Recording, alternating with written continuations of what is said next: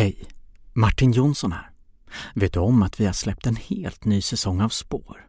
Det handlar om fallet Katrin da Costa. Första delen ligger ute gratis och resten finns tillgång till dig som stödjer Spårs journalistik och börjar prenumerera. Gå in på avsnittsbeskrivningen och följ länkarna.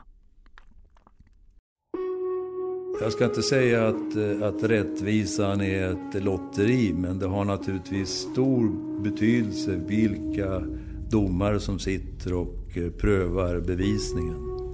Eh, det går ju att spåra mobiltelefoner och konstatera var de befinner sig. Vad man däremot inte kan vara säker på det är vem som håller i mobiltelefonerna. Det var i februari 2002 som offret Rado avrättades i tunnelbanan i Rinkeby. Kort tid därefter greps tre bröder och deras kusin för mordet. Och nu börjar rättegångarna. Förstår det rätt så är liksom själva händelseförloppet är avslutat. Utan det du... Någonting hände då och då var Oran på väg över sitt, sitt bord där.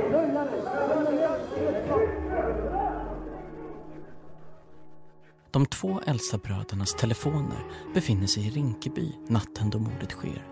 Medan de hävdar att de är i Gävle. Och frågan är, vem använde egentligen telefonerna? Har du någon uppfattning om vem det var du egentligen hade kontakt med?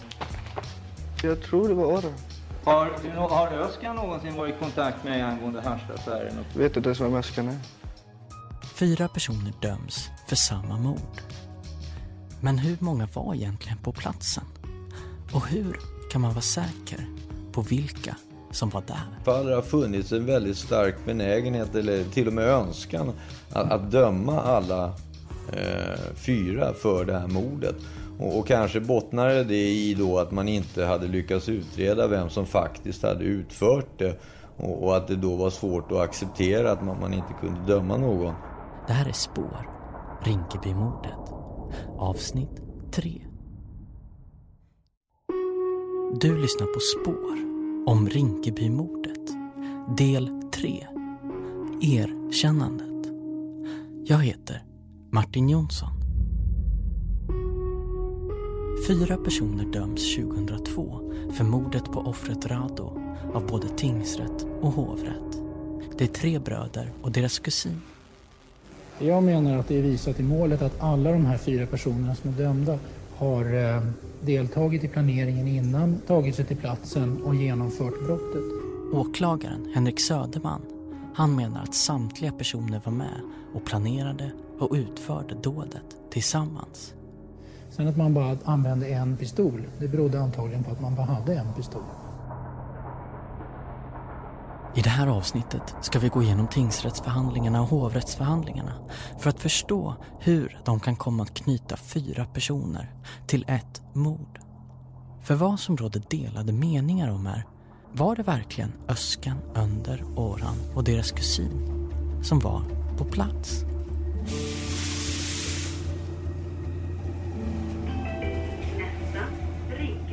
Det som är helt belagt, det är att i slutet av februari 2002 så satt offret Rado i tunnelbanan mellan Tensta och Rinkeby.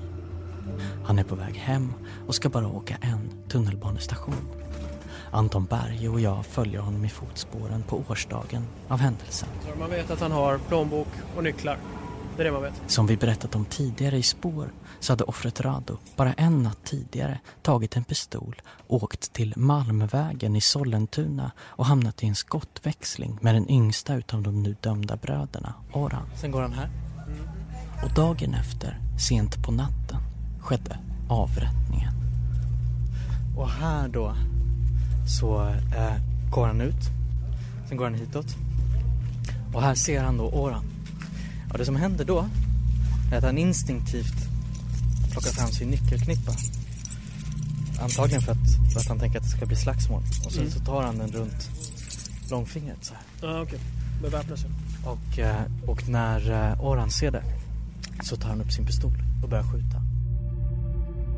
Tingsrättsförhandlingarna ska inledas i maj 2002. Och familjen Gildis de har kontakt med några av Sveriges skickligaste försvarsadvokater. Jag besöker den yngsta utav de nu dömda bröderna Orhan Yildiz, försvarsadvokat. Hej, hej. Ja.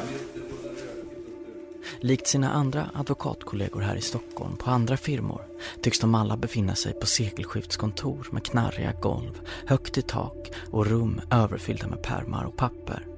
Ja, jag heter Thomas Rothpfeffer och jag är försvarsadvokat. Och jag har i stort sett under nästan alla år sysslat uteslutande med eh, brottmål. Och eh, det här var en mycket uppmärksammad rättegång. Dramatisk på många olika sätt. Jag kommer fortfarande ihåg den ganska så väl även om det har gått många år nu. Advokat Thomas Rothpfeffer och familjen Gildis har starka band långt tillbaka i tiden. Ja, det började ju egentligen eh, långt tillbaka med en eh, farbror till eh, Orhan då. Som hade blivit utvisad, dömd och utvisad på mycket oklara grunder. Det advokat Thomas Rottpfeffer syftar på är att han försvarade en person i familjen Yildiz som utvisades i samband med att polisen slog till mot Turkligan och Skomakarligan som var ligor som smugglade heroin till Sverige i slutet av 70-talet.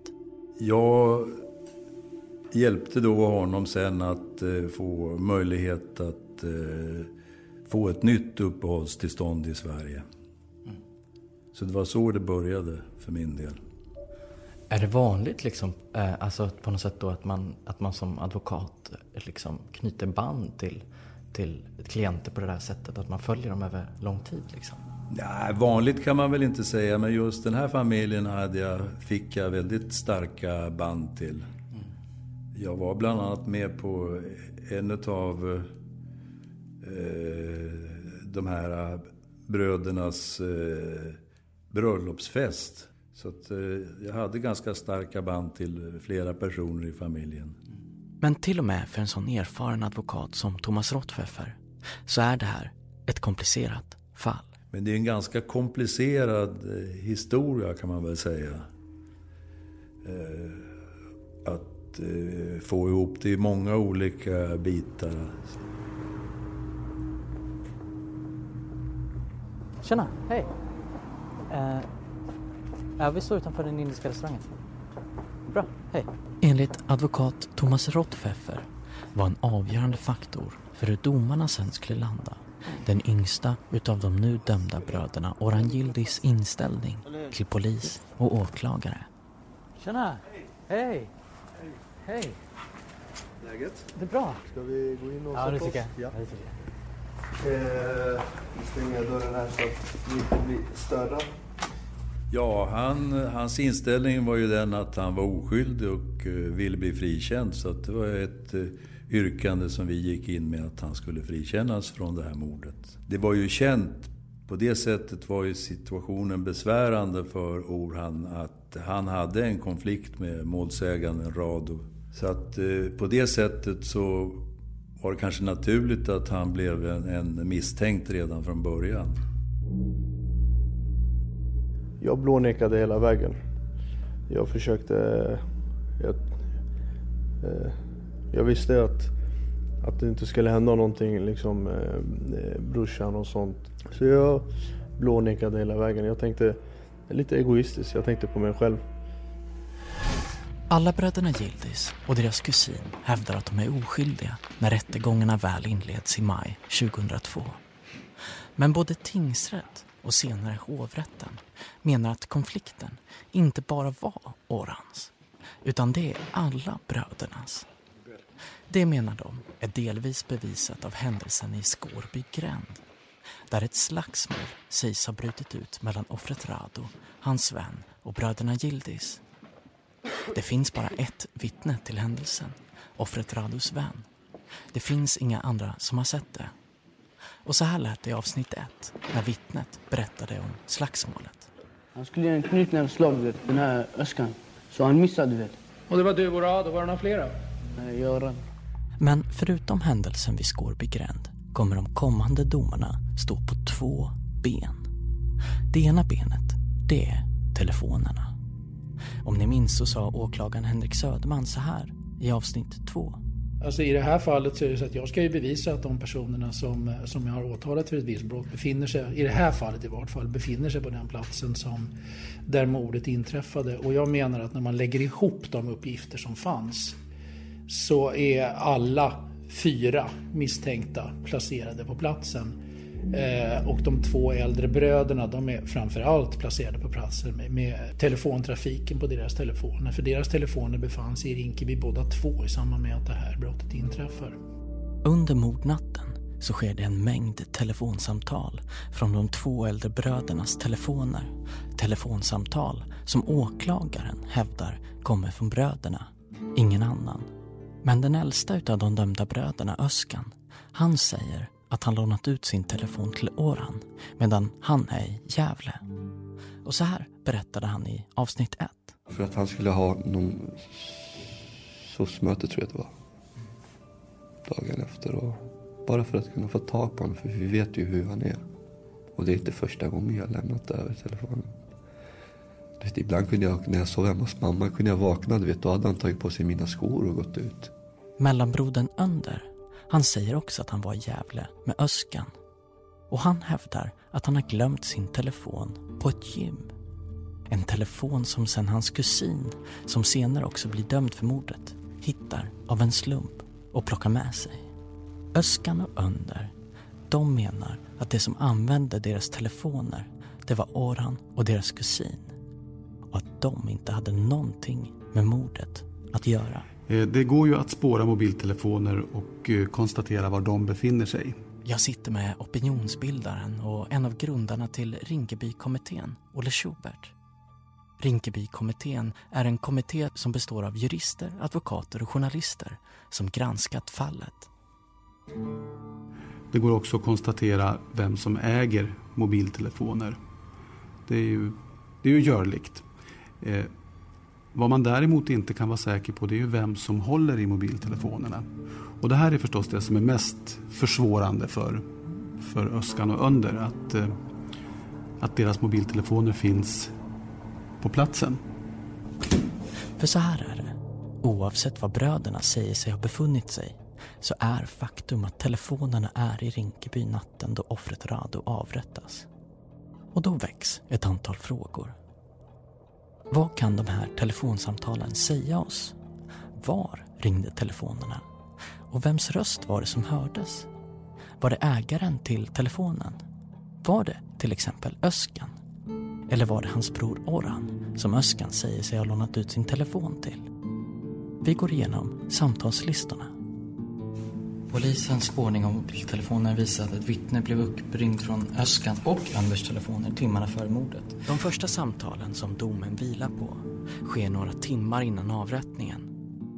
Då rings det flera samtal från bland annat den äldsta utav de nu dömda bröderna Öskan Yildiz telefon till ett vittne som brukar sälja hash. Vittnet hävdade i förhör att han inte hade någon kontakt med Öskan och Önder under mordkvällen. Ja. Han säger att han inte känner till dem och aldrig pratat med dem. Men efter att han nekat att han känner någon i familjen så händer följande. Och sen så efter avslutat förhör får han veta på att han är misstänkt för medhjälp till mord, låses in i en cell. Och i förhöret så läser jag konsekvensen av att vittnet delgivits misstanke om medhjälp till mord. Hans berättelse ändras över natten. Och han säger att han visst sålt hash till någon av de två äldre bröderna vid olika tillfällen den senaste månaden. Och att han kan ha träffat den äldsta brödern Öskan. Men han är inte säker. Och nu under tingsrätten kommer en tredje, helt ny historia komma fram. Samma mål. 65-28 för 03. Det är förhöret är påkallat av Öskan. Så här låter det under tingsrätten när advokat Thomas Olsson, som försvarar Öskan, inleder förhöret. Eh, den, är det någon av de här som du brukar ha kontakt med när det gäller hasch vid några tillfällen? Mm, det är, jag har träffat Orhan. Orhan? Ja. Då, när du hördes den 27 mars, kom du då ihåg vem du hade kontakt med per telefon den 26 februari? Nej, jag hade inte så stort minne av det då.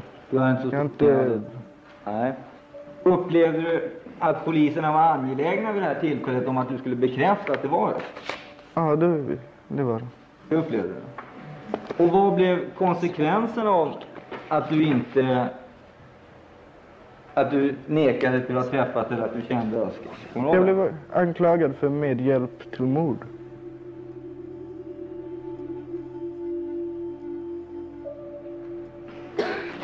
Har du någon uppfattning om vem det var du egentligen hade kontakt med den 26 februari?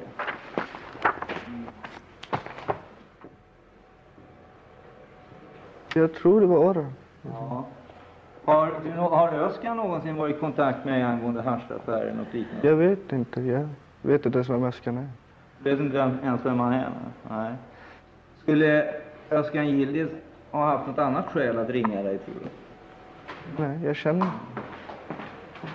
Den här, eh, hur- när blev du släppt sen från polisen? Det var 24 timmar. Efter 24 timmar. Och den här eh, mordanklagelsen, fortsätter man utreda den då, i medhjälp? Nej, jag tror inte. Så man kontrollerar inte om du hade några alibin eller någonting sånt? Ingenting. Ingenting, utan man var nöjd när du hade sagt vad man ville höra? Exakt. Frågade man dig någon gång om- om det hade varit Orran som hade varit och ringt till dig? Nej. Om man ska tro vittnet så var det alltså inte den äldsta brodern Öskan som ringt från sin telefon utan Oran som lånat Öskans telefon. Efter Thomas Olsson är det åklagaren Henrik Södermans tur att förhöra vittnet. Då undrar jag, har du träffat Oran Yildiz någon gång? Ja, det har jag. När då? Antagligen när han hämtade hasch av mig. Antagligen? Vad menar du med det? Det måste ha varit han. Men vad menar du, varför måste det ha varit det? Det är den enda människan jag vet att jag har träffat ur det gänget. Ja. I, i det sammanhanget. Okej. Nu säger du att du måste ha träffat Oran. Ja. Då undrar jag, har du träffat Oran den 26? Måste jag... Ja, det har jag gjort. jaha. Det, vad menar du med det? Det måste jag ha gjort. Kommer du ihåg det? Eller ja, det har jag gjort. Ja. Önder Yildiz och Özcan Yildiz då? Vad vet du om dem? Ingen, ingenting. Ingenting. Nästa viktiga telefonsamtal sker från mellanbrodern Önders telefon. huvudtema när det gällde bevisningen var en person som berättade om hur han, under förundersökningen i vart fall, berättade hur han blir uppringd av en av de eh, två äldre bröderna. Eh, två eller tre minuter, ett par minuter i vart fall, före mordet. Enligt åklagaren Henrik Söderman så är det Önder själv som ska ringt till vittnet och frågat vart Rado är. Alltså inte Oran eller hans kusin. Ehm, och att vi kunde placera den, den uppringande telefonen i Rinkeby centrum. Den personen, han pekade ut den brodern med namn som eh, den som ringde och frågade var målsäganden bodde någonstans. Det här vittnet, som ni nu kommer att få höra, har tidigare sagt i ett första polisförhör att han är helt säker på att det är bröderna Gildis som begått mordet tillsammans och att det med bestämdhet är Önder han pratat med i telefon. Men i nästa uppföljande polisförhör nyanserar han sitt vittnesmål. Han säger sig inte alls vara säker på att det är bröderna Gildis som planerat mordet. Och nu, under rättegången, så är han inte ens längre säker på vem han pratat med. Den här inspelningen, ska sägas, från rättegången är av ovanligt dålig kvalitet. Känner du någon av de här personerna som sitter till vänster om dig härifrån sett? Nej, svarar vittnet på åklagarens fråga. Klockan 23.50, exakt enligt klockan på hans mobiltelefon, fick han ett samtal på sin mobiltelefon. Det var Önder Gildis som ringde, det är han helt säker på. Åklagaren Henrik Söderman läser här ur polisförhöret. Kände Önder sedan tidigare då de gått i samma skola, Turebergsskolan i Sollentuna. Han hade även Önders telefonnummer lagrat i sin mobil och han såg att det stod Önder i displayen. Önder presenterade sig och frågade om hans bror mådde. Han frågade sedan om han visste var Rado bodde. Han svarade att han inte visste det och Önder sa då okej, okay, då hittar vi honom själva. Nu säger vittnet att allt han sagt var lögn. Det väcker minnen om att jag ljuger om. Okej. Vad var det du ljög om? Allting. Är allting lögn? I polisförhöret däremot har vittnet sagt att han känner Önder för att de gått i samma skola och att han därför kunnat identifiera rösten. Ja, tack. Efter att åklagaren är färdig med vittnet är det advokat Per Liljeqvists tur att förhöra vittnet. Känner du Önder Gildis? Han frågar om han känner mellanbrodern Önder. Vittnet svarar nej. Vilken skola har du gått i? Vittnet svarar Tunebergsskolan. Ja. Och då händer det här. Advokat Per Liljeqvist har bevis som inte tidigare presenterats. Turebergsskolan? För jag har bevis nämligen som jag kommer ge in, och det vet inte åklagaren om eh, ännu, att Önde Gillis har aldrig gått på Turebergsskolan. Vem var det som ringde till dig? 23 och 47 och 13. För Önde Gillis känner du inte och du har inte gått i samma skola som i vart fall kan jag säga. Så långt kan jag sticka fram haken. För Önder har inte gått skolan. Det är en direkt lögn det som finns i ditt förhör. Det ska jag bevisa. Vilken person var det som ringde där 23, 47 och 13? För det inte, kan ju inte ha varit under Gillis. Men vittnet säger sig nu inte minnas vem som ringt. Och en snabb faktakoll visar att det i själva verket är brödernas kusin som också är åtalad, som är den som har gått i Tunebergsskolan. Alltså samma kusin som säger sig ha plockat upp mellanbrodern Önders telefon medan han var i Gävle. I hovrätten så ska det här vittnet ombedas att peka ut vem Önder är av alla bröderna och misslyckas. Men kopplingen mellan Önders telefon och vittnet finns ändå. För som Henrik Söderman påpekar under rättegången så stod det enligt vittnet under Gildis namn på displayen på telefonen. Och det var Önders telefon som ringt. Uh, han blev upp, alltså att han blev uppringd, det kunde vi ju bevisa genom hans telefonlista. Det telefonnummer som ringer är Önders telefonnummer. Han har sagt till polisen att det var Önder som ringde. Sen att han utsattes för ett stort tryck och inte vidgod de uppgifterna, det må vara. Men han sa så till polisen. Tio minuter efter det här telefonsamtalet så sker mordet på offret Rado. Där gärningsmannen klivit in genom dörrarna och sen skjutit med en pistol elva gånger. Det enda Rado hade att försvara sig med var en nyckelknippa som han höll i handen. Då hörde jag pangandet. Tuff, tuff, tuff, tuff. Mordet som bevittnades av spärrvakten. Och sen när han var nere så höll han händerna så här. Då kom två skott till. Det var i stort sett, som jag uppfattade riktade mot huvudet. Och det, det var slut alltså. Finns det någon annan person än de här två som du berättade om nu som du kan se? Bakom det här rutan står tre silhuetter. Som smilegubbar. Spärrvakten är den som kan bekräfta att det står tre personer utanför tunnelbanestationens dörr som smilegubbar. Han binder alltså antalet personer till platsen. Men som framkom i avsnitt två så avfärdade han vid två videokonfrontationer att Öskan skulle varit någon av de som stod där utanför. Så här berättade opinionsbildaren och en av grundarna till Rinkebykommittén, Olle Schubert. Och eh, då har han alltså dubbla plexiglas emellan sig och eh, de som han ser eh, här borta. Så att det är klart att man förstår att det är svårt för honom att peka ut någon. Men det han ändå gör. Av 25 personer som, som han tittar på så tycker han att nio personer liknar de som stod utanför. Det skulle kunna vara någon av de här nio. Eh, sex sorterade han bort som inte är aktuella och Öskan var en av de som han sorterade bort. Om man skulle rita smilegubbar. Ja. Det var ju en, en väldigt, eh, Advokat Thomas Rottpfeffer minns när spärrvakten skulle vittna. Eh, väldigt eh, het atmosfär får man väl lov att säga. Okej. Det är som jag ser att det är silhuetter. Alltså det är inte några tydliga ansikten. Det var alltså målsägandens bror. Han satt ju där tillsammans med åklagaren då. Vi kanske kan stanna där. För om jag förstår det rätt så är liksom själva händelseförloppet är avslutat. Utan det du Någonting hände då och då var Orhan på väg över sitt, sitt bord där. Jag tror till och med att jag tog tag i, i kläderna på honom och drog ner honom.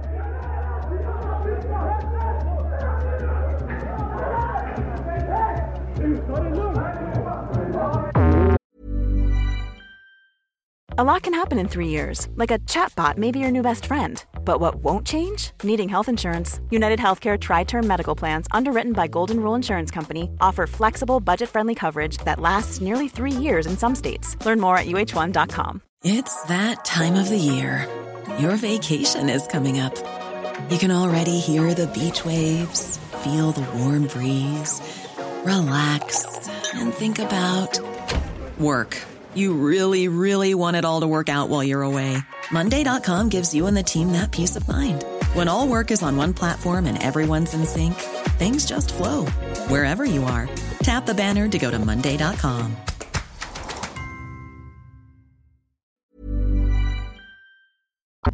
Efter alla förhör i tingsrätten så minns advokat Thomas Olsson det som att de hade lyckats väldigt bra i sitt försvar. Min upplevelse var ju att vi under eh, rättegången eh, lyckades eh, vederlägga och neutralisera samtliga besvärande omständigheter. Och att det därför inte fanns någon bevisning kvar som eh, bekräftade, som styrkte att, att Öskan skulle ha varit inblandad.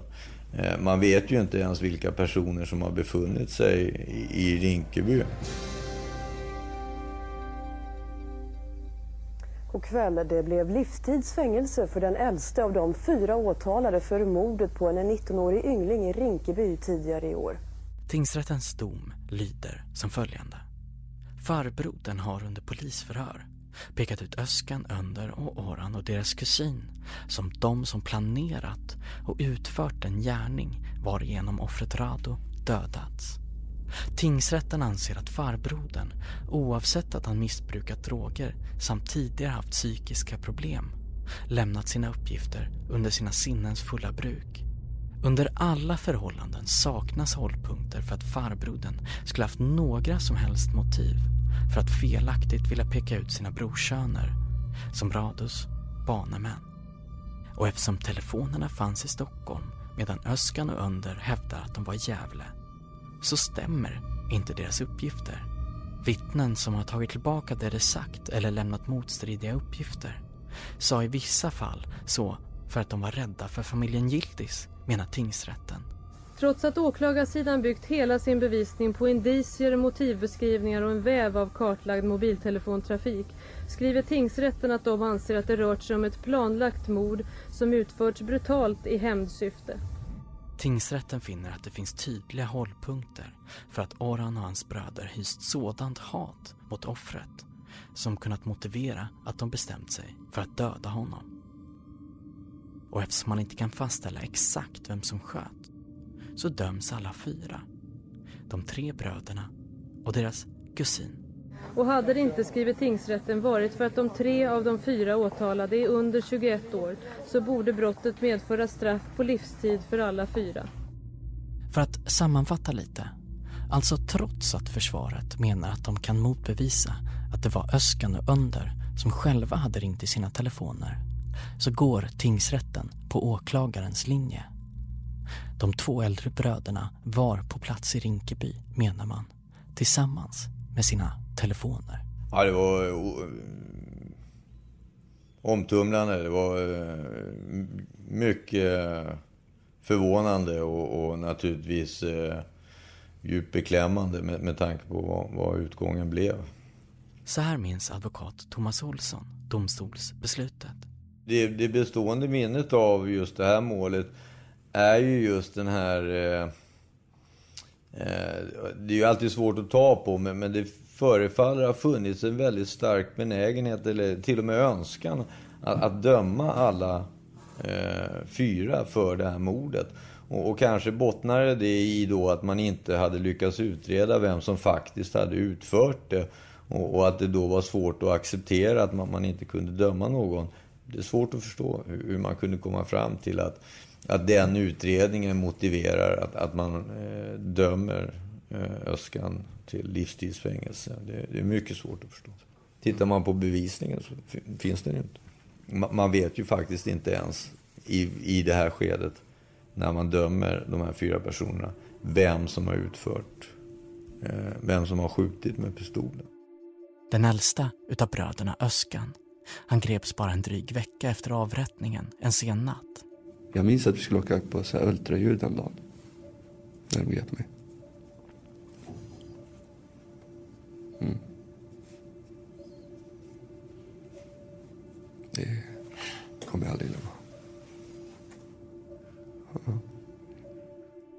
Sex månader går och fallet har överklagats till hovrätten. Men en dag ringer hans försvarsadvokat Thomas Olsson i telefonen.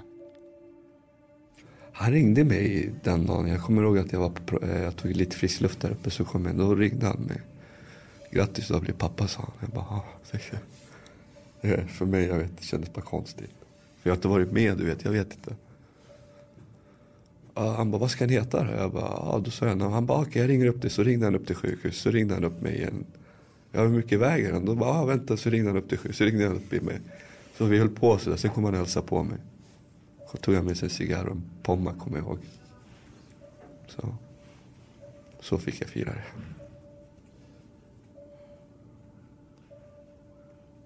Hur är relationen till din son idag? Jag har ju aldrig varit där, du vet. Han vet ju bara att jag är, jag är hans pappa. Men, eh, ja. Vi kommer återkomma till Öskans sida av den här berättelsen i de två kommande avsnitten. Men det är i slutet av september när advokat Thomas Rottpfeffer kommer till hovrätten och han får se sammansättningen av domare. Och han förstår att det här kommer inte att bli lätt. Det är ju så när man kommer till en, en eh, hovrättsförhandling att man alltid funderar över vilka domare som eh, sitter och ska avgöra målet. Och det kanske ingenting som man pratar om så mycket. Men det är ju trots allt på det sättet att domare, de är ju precis som alla människor, alla andra människor olika. Och eh, jag kan uttrycka det så här att jag tycker väl inte att det här var den bästa eh, sammansättning i, i hovrätten som man kunde önska sig. Varför då? Jag ska inte säga att, eh, att rättvisan är ett lotteri, men det har naturligtvis stor betydelse vilka domare som sitter och eh, prövar bevisningen. Det tror jag ingen kan eh, förneka som sysslar med det här, eller som har sysslat med det under lång tid.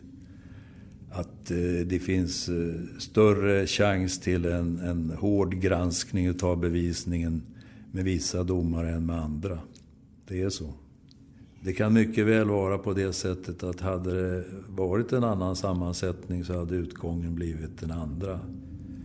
För att den som tror att eh, alla domare dömer lika, den, den personen har fel. Det är inte realistiskt. Om telefonerna är det ena ben som de två domarna vilar på så är det andra benet farbrodern han som angav sina brorsöner först efter det att han själv delgivits misstanke för mord efter det att han har blivit utpekad av spärrvakten som den som sköt och som sen skadade sig själv allvarligt i armen och fick sy 27 stygn. Så här sa farbrodern i det enda bevarade polisförhöret som finns kvar på band. Vad exakt är det du får reda på för någonting? Som jag sa tidigare. Ja, Vil, vilka är där på platsen då? Alla fyra faktiskt, om jag inte har fel.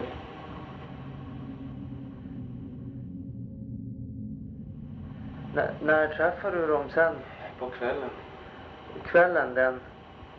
Dagen efter. Och hur, hur gick det där till då? då? Ja, då, då berättade han att det var de som hade gjort det. Då händer följande. Jag vill ju att rätten, jag vill att de ska lyssna på mig. Allvar, det här är sanning va. För att det gäller två människors liv. Han tar tillbaka sitt vittnesmål. Jag menar, det ska inte behövas att två oskyldiga människor ska behöva sitta så länge. För att ni inte vill lyssna. Nej, jag vill säga sanningen för hur, hur du, du kommer begå justismord alltså. Kan du förklara hur det kommer sig att du sa som du gjorde? För vad du säger i det här förhöret, det är att det är fyra personer som var med vid mordet. Är det så konstigt? Att jag har sagt som jag har sagt, när ni beskyller mig för mord. Eskilsnubben fick ut mig som skytten. Det han syftar till det är att spärrvakten pekat ut honom som den som skjuter. Men förklara varför du sa som du gjorde vid det här tillfället. Att jag, jag ville komma ut. Jag är misstänkt för mord liksom. Men varför sa du inte som du säger nu här idag i hovrätten? För att jag vill att sanningen ska komma fram. Jag tror inte på det nämligen. Jo, men du är så envis. Du vill, att du, du tror att du kommer, vad heter få någons hedersmedalj. eller Vad är du ute efter? Efter åklagaren Henrik Söderman är det advokat Thomas Olssons tur att förhöra farbrodern. Ja, tack. När du greps och eh, anhölls och blev häktad, kommer du ihåg vad det var du var misstänkt för? Mord. Och hur reagerade du på den här uppgiften? Jag blev ju rädd. Mycket.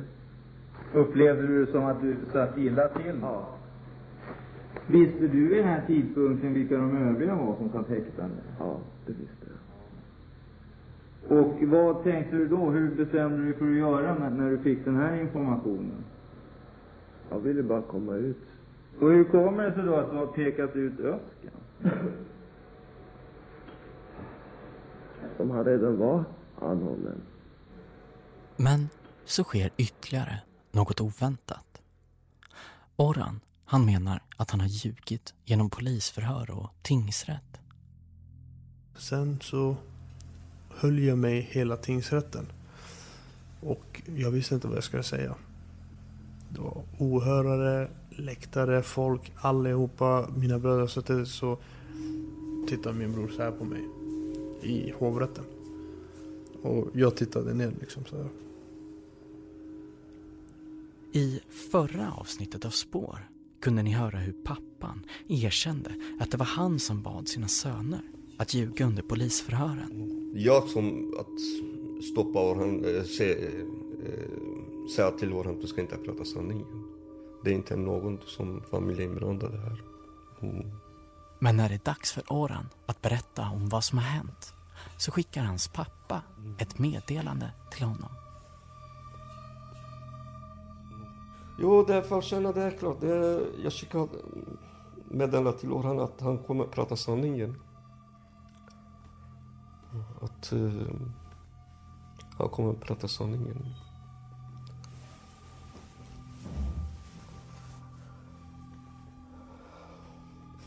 Ja, det, det också. Det, jag tänker också varför jag inte är ute tidigare, varför jag är på hovrätten. Det är klart. Det är fortfarande känns det dåligt när man pratar på den biten. Det att fortfarande tyvärr. Mm. Alla var helt iskalla. Mådde jag bara sämre och sämre. När åklagaren började prata, då släppte jag mig. Och då... Då erkänner han plötsligt att han har... Advokat Thomas Rottpfeffer, han satt bredvid Orhan när han tog på sig mordet. Att han är den som har skjutit Radu. Och det kom ju som en total överraskning för mig. Och så här berättar Orhan för mig idag om hur han menar att det gick till då. Så under natten bestämde jag mig att jag ska åka till Rinkeby.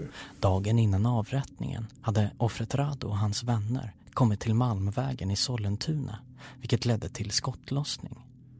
Så då hade jag en kusin till mig som jag umgicks jättemycket med. Eh, Han visste liksom allt vad jag gjorde. Jag visste allt vad han gjorde. Vi umgicks med varandra. Vi var alltid med varandra. Liksom. Och eh, då sa jag, eh, vi måste åka till Rinkeby och kolla. Liksom, jag måste kolla vad, vad han menade med det här. Så jag hade liksom tillgång till vapen. Och eh, då så var en farbror med mig hela vägen. Enligt Orhan så är ingen av de två äldre bröderna med under mordnatten. Däremot hans kusin och farbrodern. Alltså samma farbror som sen anger sina tre brorsöner. Enligt den här berättelsen ni nu ska få höra så är det alltså tre personer inblandade. Orhan, hans kusin och farbrodern. Hur kom du på idén att ta med honom liksom? Alltså idén kom jag inte på. Det var en, en slump när jag och min kusin skulle åka. Och då träffade vi honom i Sollentuna här i Malmvägen. Tror att han sa jag ska åka till Rinkeby. Eller jag sa jag ska åka till Rinkeby. Och då han bara, men bra jag ska gå dit och köpa. Det var ju så liksom. Alltså det var ju inget, eh, inget, eh, inget liksom planerat att han skulle följa med. Det var ju liksom bara en slump. Han var inte liksom med i själva att, att det som hände liksom. Han var ju så påtänd. Men han var ju liksom påtänd av heroin. De åker gemensamt och köper hash av vittnet ni hörde om tidigare i programmet innan de åker vidare. Vi åkte från Sollentuna, åkte till eh, Husby. Skulle köpa av en kille lite röka för kvällen. Och eh, då färdas vi från Husby till Rinkeby. När vi kommer till Rinkeby så hoppar jag hoppar ur bilen. Och eh, då träffade jag på några killar som jag känner. Hälsade på varandra, hej hej. Sen så går jag. Sen under tiden jag går så kommer min farbror efter. Då går jag, det är eh, kallt eh, tid. Eh, jag frös jättemycket. Eh, så kommer jag vid tunnelbanan så jag drar upp huvan på jackan. Så kollar jag in så ser jag av tillfällighet så kommer Radar. När jag står vid tunnelbaneingången snett från höger sida då ser jag när dörren öppnas när jag kommer in då ser jag honom komma emot mig. Då ser jag honom göra en handrörelse med sitt hand.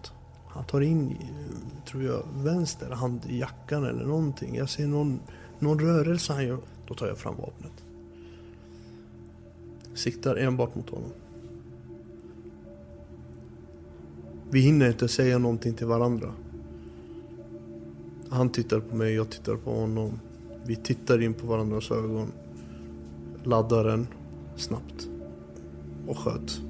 Ett skott, två skott, tre, fyra, fem.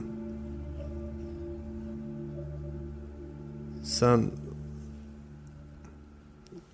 Alltså hela tunnelbanan blev så liten i mina ögon. Det krymptes ihop. Alltså jag blev...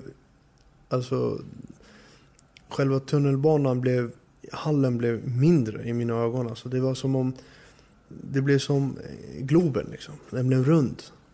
Så jag fortsatte och sköt. Jag siktar ju liksom på foten och sen går det uppåt.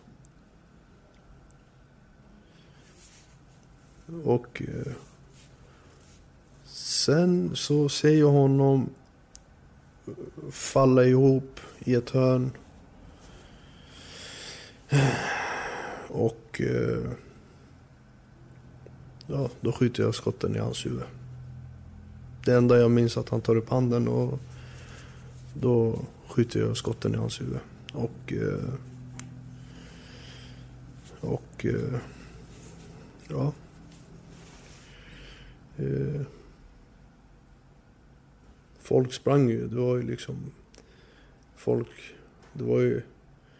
Tror jag... En som gick uppåt mot perrongen eller trappan uppåt och sen var det utav själva skotten då, då försvann allt. Jag såg ingen liksom människor. Ingen var ju där. Minns du hur han såg ut? Ja, jag har fortfarande hans ansikte. Jag minns hur han såg ut.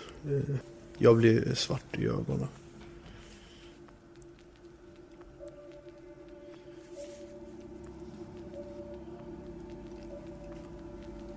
Sen så, ja, därifrån så, när jag kom ut från, ur från tunnelbanan.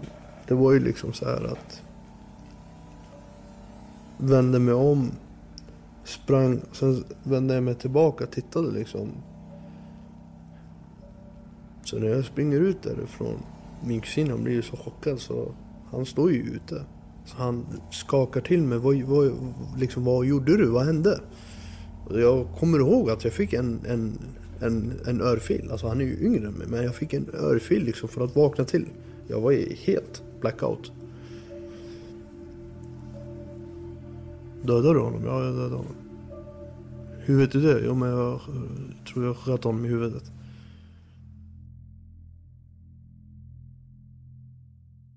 Det är ungefär den här historien som hovrätten får höra. Oran tar på sig skulden och säger att hans kusin och farbror är med. Men Orans trovärdighet är nu så pass låg att det han säger inte får någon effekt. Ett erkännande eh, som kommer tidigt och i det här fallet också som innefattade att han eh, friade sin, de andra som var misstänkta för det här. Det hade naturligtvis varit en större tyngd om det hade kommit redan i tingsrätten. Idag föll domarna mot de fyra män som åtalats för mordet på en 19-åring i Rinkeby i nordvästra Stockholm i februari. Domen fastställs av en enig hovrätt. En 29-åring dömdes till livstids fängelse och två 18-åringar dömdes till ungdomsvård i fyra år för mordet som skedde utanför en tunnelbanestation. Hovrättens dom är ju om än mindre obegriplig än tingsrättens. Ja, det var en chock. Det, det var en total chock för alla inblandade. Om advokat Thomas Olsson inte var förberedd på den förra domen i tingsrätten kom hovrättens dom som ett ännu hårdare slag. De här domarna är felaktiga och Öskan är felaktigt dömd. Faktum är att man, man har ingen som helst utredning överhuvudtaget som bekräftar att han har befunnit sig på plats. Än mindre att han har medverkat till eh, skjutningen av Rado. Utan eh, det är rena spekulationer från domstolarnas sida. Även advokat Thomas Rottpfeffer ställer sig tveksam till domen. Inte mot den person som han företrädde, alltså den yngsta utav de nu dömda bröderna Orangildis, utan framförallt domen mot den äldsta utav de nu dömda bröderna, Ösken. Ja, alltså min, min uppfattning eh, var redan i tingsrätten att eh, det fanns en hel del som talade för att eh, de inte hade med mordet att göra. Man måste kunna säga att det är uteslutet kan man säga. Praktiskt sett uteslutet att den som är, vad heter det, misstänkt för ett brott är oskyldig. Praktiskt sett så måste man kunna utesluta det och det kan man inte göra på den här bevisningen. Så här minns den äldsta brodern Öskan ögonblicket när han fick domen. Jag satt häktat när jag fick domen. Det var chock. Alltså jag var verkligen chockad. Alltså det, det var då avdelningschefen tror jag kom in med domen och berättade att han var typ var ledsen för det. Och efter jag gick, då la jag mig och så somnade jag, vaknade jag igen och tänkte att det här är inte dröm, det är på riktigt. Jag visste inte vad livstid innebar då. I nästa avsnitt av Spår. Jag menar, vi visste ju att eh, lögndetektorer som metod är, är väldigt ifrågasatt och kritiserat. Men jag kunde inte heller låta bli att vara nyfiken på hur skulle Öskan reagera om jag ringde till honom och sa att du, vi har en, en professor som vill uh, höra dig med lögndetektor. Den kommer att visa om du ljuger eller inte. Ett lögndetektortest pekar i åklagarens riktning. Ja, han misslyckades kapitalt. Enligt eh, professor Udo Undeutsch så eh, var det med 95 eller 96 procent sannolikhet han som sköt. Att han inte talade sanning på just den frågan. Och vi hittar ett helt nytt spår som pekar i en helt annan riktning. Vilka är det? Ja, det är en massa folk. Massa folk. Massa folk. Det är någon som du känner som du hejar på där? Någon som du eh, känner? Ett tidigare ohört vittne. Ja, han som äger det. Han heter Zeki. Och till den där mannen som äger lokalen som jag tänker att du ska hjälpa mig hitta. Spår görs av produktionsbolagen Ljudbang och A1 i samarbete med Acast. Ljudtekniker är Mikael Brodin. Researcher Lisa Domelin. Exekutiv producent på Acast är Carl Rosander.